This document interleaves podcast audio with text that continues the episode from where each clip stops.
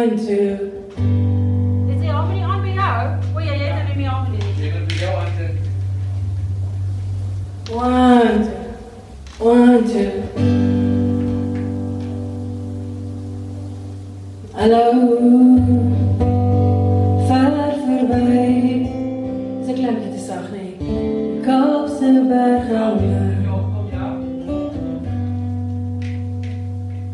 Ons het vandag die voorreg om op die verhoog voor 'n vertoning saam met Ilandi de Tooi te staan. Jong gedig my snaar is mos net 'n ongelooflike intieme interaksionele eintlik produksie tussen my en June van Mers wat ou bekende Afrikaanse gedigte voorlees en ek dan wat ehm um, bevoorreg is om eintlik saam met haar te kan werk.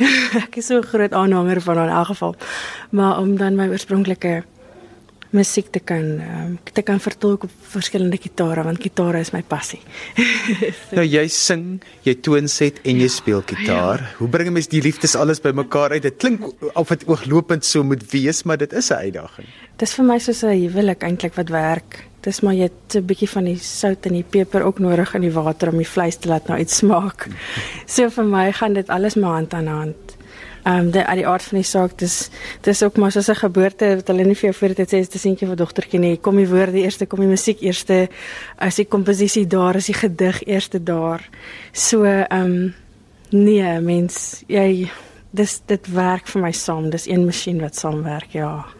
Nou deel van hierdie vertoning is is dat jy 'n hele klompie verskillende gitare aan die gehoor bekendstel want elke gitaar het 'n storie. Ja. So kom ons stap nou hier op die verhoog 'n bietjie rond en ons begin van gitaar tot gitaar. Jy moet vir ons vertel wat wat 'n gitaar dit is en hoekom. Kom ons kom ons begin hierso by die ons begin sommer by die ek wil amper sê die, die gewone staalsnaar akoestiese gitaar. Is ek veronderstel om so 'n bietjie te demonstreer. Ja. OK, lekker. Luisteraars, hier is 'n ses snaar uh Gibson Sy is 'n gewone gesnaarde gitaartjie.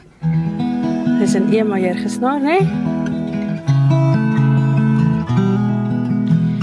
Maar die storie agter die gitaar Johan, ehm um, ek sal dit probeer kort hou want dit is eintlik is eintlik 'n lewensstorie. maar die storie agter my gitaar is ehm um, ons almal is mos maar oorwerk op 'n tyd en ons wil net om ons goedjies neer te sit en net te gaan. Ons wil net 'n bietjie oor see gaan en net backpack of net niks doen nie. En ek het moedeloos geraak en ek het so 'n bietjie die stryd opgegee in die musiekbedryf, um, omdat 'n mens regtig hard werk en ehm um, ek lag altyd as mense sê maar ag jong kom sing net vir ons 'n liedjie, dis mos dis mos waarvan jy hou. Jy doen dit mos in elk geval, maar mense verstaan nie altyd dis jou brood en botter en dis jou lewe nie. Maar ag ek het sommer moedeloos geraak en ten hemele geskryf wat baie verkeerd is, maar ten hemele geskryf gesê as ek nou weer nog een keer moet musiek maak, as ek dan nou regtig as dis die ou mense sou sê geroepe is om musiek te maak, dan sal ek 'n gitaar kry en 'n pink tas. En ehm um, baie arrogante verwant het geskree en 'n of gesê althans dit was meer 'n hulpgeroep in my binneste ek nie letterlik geskree nie. Maar en weet jy dit was 3 jaar later toe kry ek 'n oproep van 'n prokureur wat sê maar weet jy sê die oom wat drie gitare aan jou bemaak het. En is nou baie lang, eintlik mooi storie, maar ek wil dit hou vir 'n verrassing vir die gehoorlede wat welkom luister na my vertoning. So hulle kan die hele storie kom luister. Maar kyk hoe pink is daai gitaartas, Johan. so nee, dit weet ek okay, goed. Sit jou houding terug in 'n boksie en en doen wat jy moet doen en ek ek het nog nooit opgehou skryf of optree eversins nie. So ja, dis vir my baie lekker. So dis die Gibson se storie. Die Gibson is ook 'n baie oud, sy's 'n antiek. Sy is 'n 1943 model. So dis 'n ou dis 'n ou baadjie eintlik. En dan het ek 'n uh, dan het ek 'n nylon snaar gitaar wat ons in Suid-Afrika mos 'n beginner gitaartjie noem. Ehm um, omdat hy vislyn snare het en nie regtig seer maak nie. Of is vingers so erg seer maak nie. Ek studeer nog so 'n bietjie gitaar, flamenco gitaar. En ehm um, en dit is dan nou natuurlik die die groot uh Spaanse styl wat ek wat my dryfveer is amper in, in musiek uh, sonder woorde. So uh,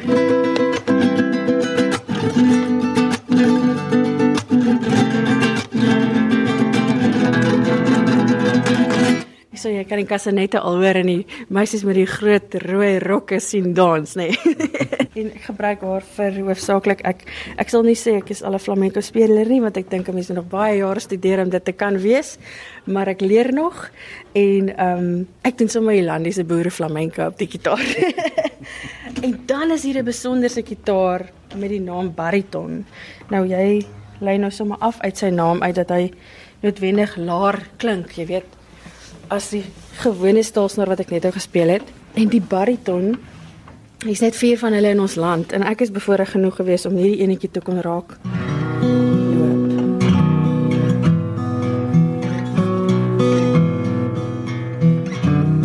So sy word hoofsaaklik gebruik vir of hy word hoofsaaklik gebruik vir belades. Um en veral terwyl June voorlesings doen, um is dit 'n verskriklike ryk klank om om 'n bietjie atmosfeer en karakter mee mee te skep om dit wat sy doen te komplementeer.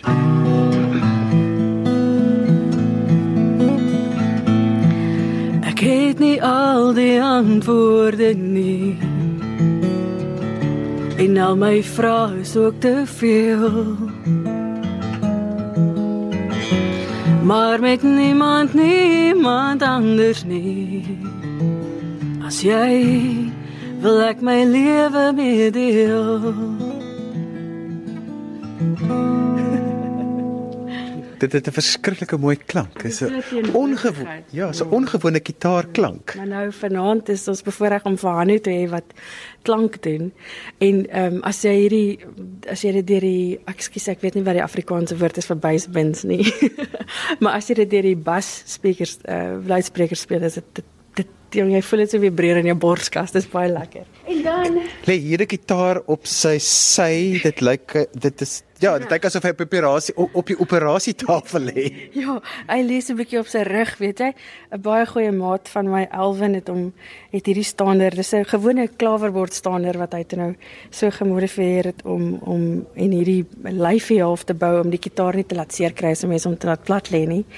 En dit is nou regtig in Amerika noem hulle dit 'n lap steel gitaar.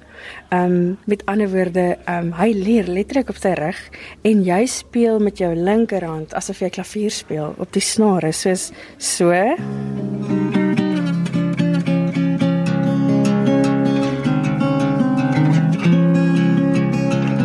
Maar nou die produksie Johan, en die produksie is nou vir so lekker want hierdie gitaar gebruik ek nie om mee te sing ook nie.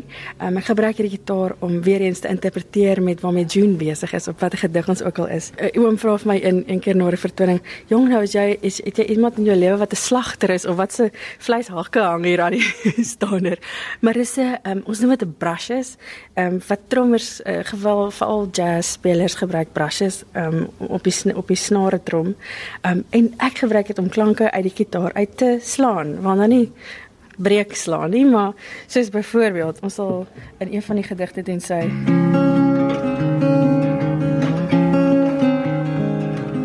en ek gaan harmonisasies sulke goedjies soos wat baie mense uh, dink altyd is goed uit August Rush. Ek is nie so geoefen nie, ek leer nog. nee, en dan sal ek byvoorbeeld ingaan in 'n ritme.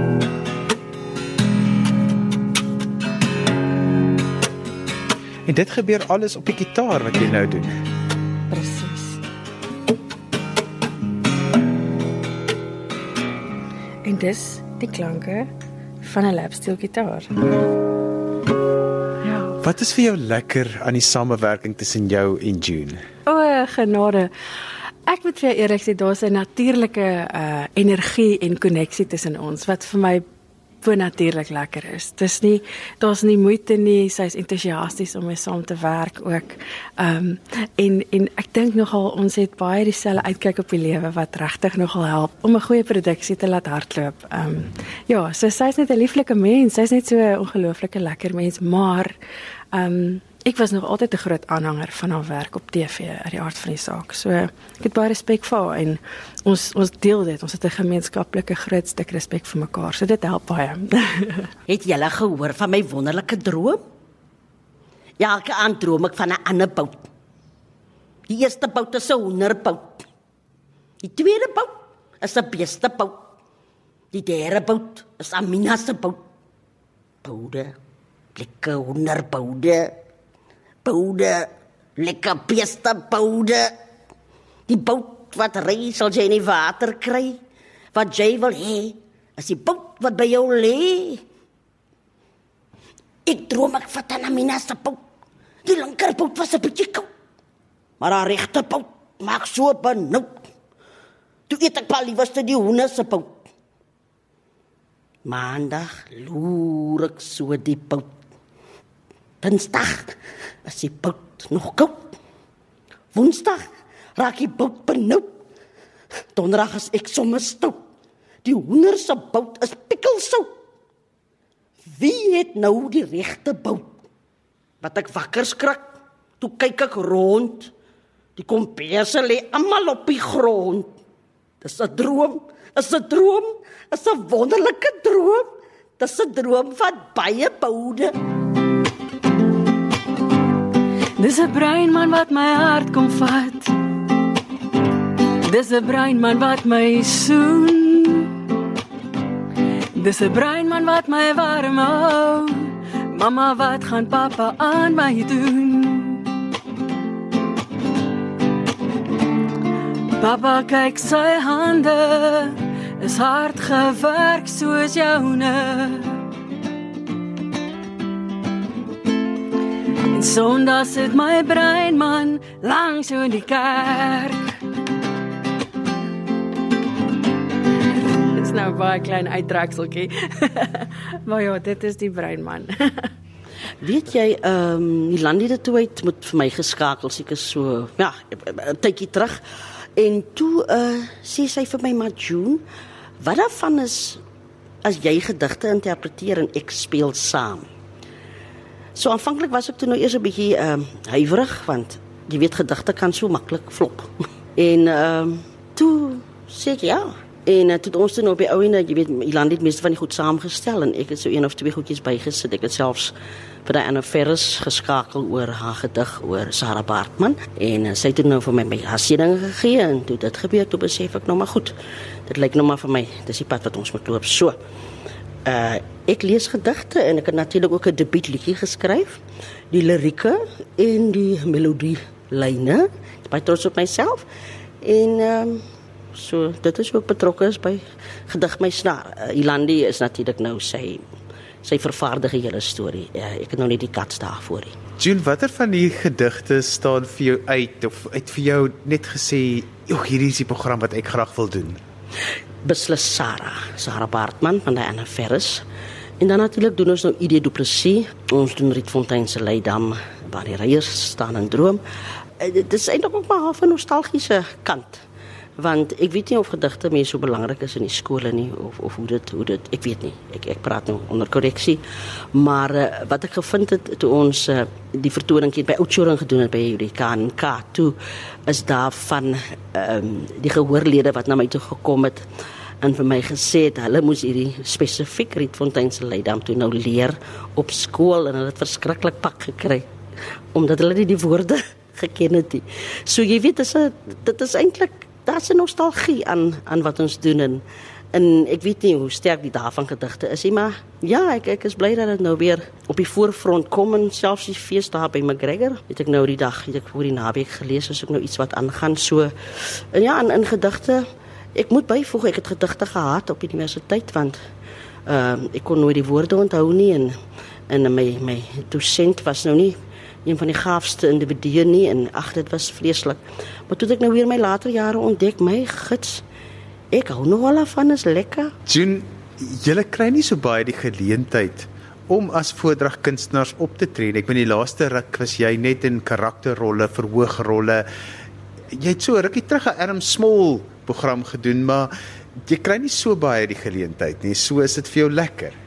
Ja, natuurlik. Jy weet veral omdat dit omdat dit nou ehm um, in samewerking is met die Landi wat die ongelooflikste gitaartalent reguit uit die hemel gekry het. Daai kind het mis ja, nou, nou sy's nie 'n kind meer nie, maar sy uh, is 'n musiektalent wat wat wat ek vertrou en en sy is natuurlik onderskraag en sy ondersteun my die hele pad. Ek dink een of twee gediggies wat ek doen sonder klank.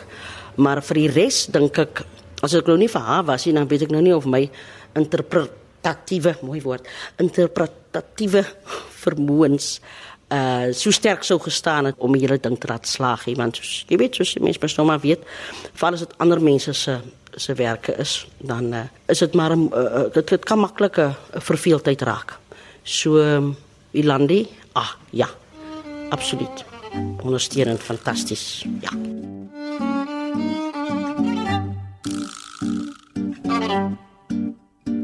Daar's 'n liedjie in my kamer. En die liedjie sing jou naam. Dis 'n liedjie wat net verder sing. Al sluit my mond se raam. Hierdie liedjie is 'n tango. Oor vol passie durf en wag tot wanneer ek jou teer neer lê en sy woorde proe op jou maag buite my venster aan die maan 'n glimlag breed en ek wens jy was hier by my om hierdie aand met jou te deel. Sterre swift op 'n melkweg wandelpad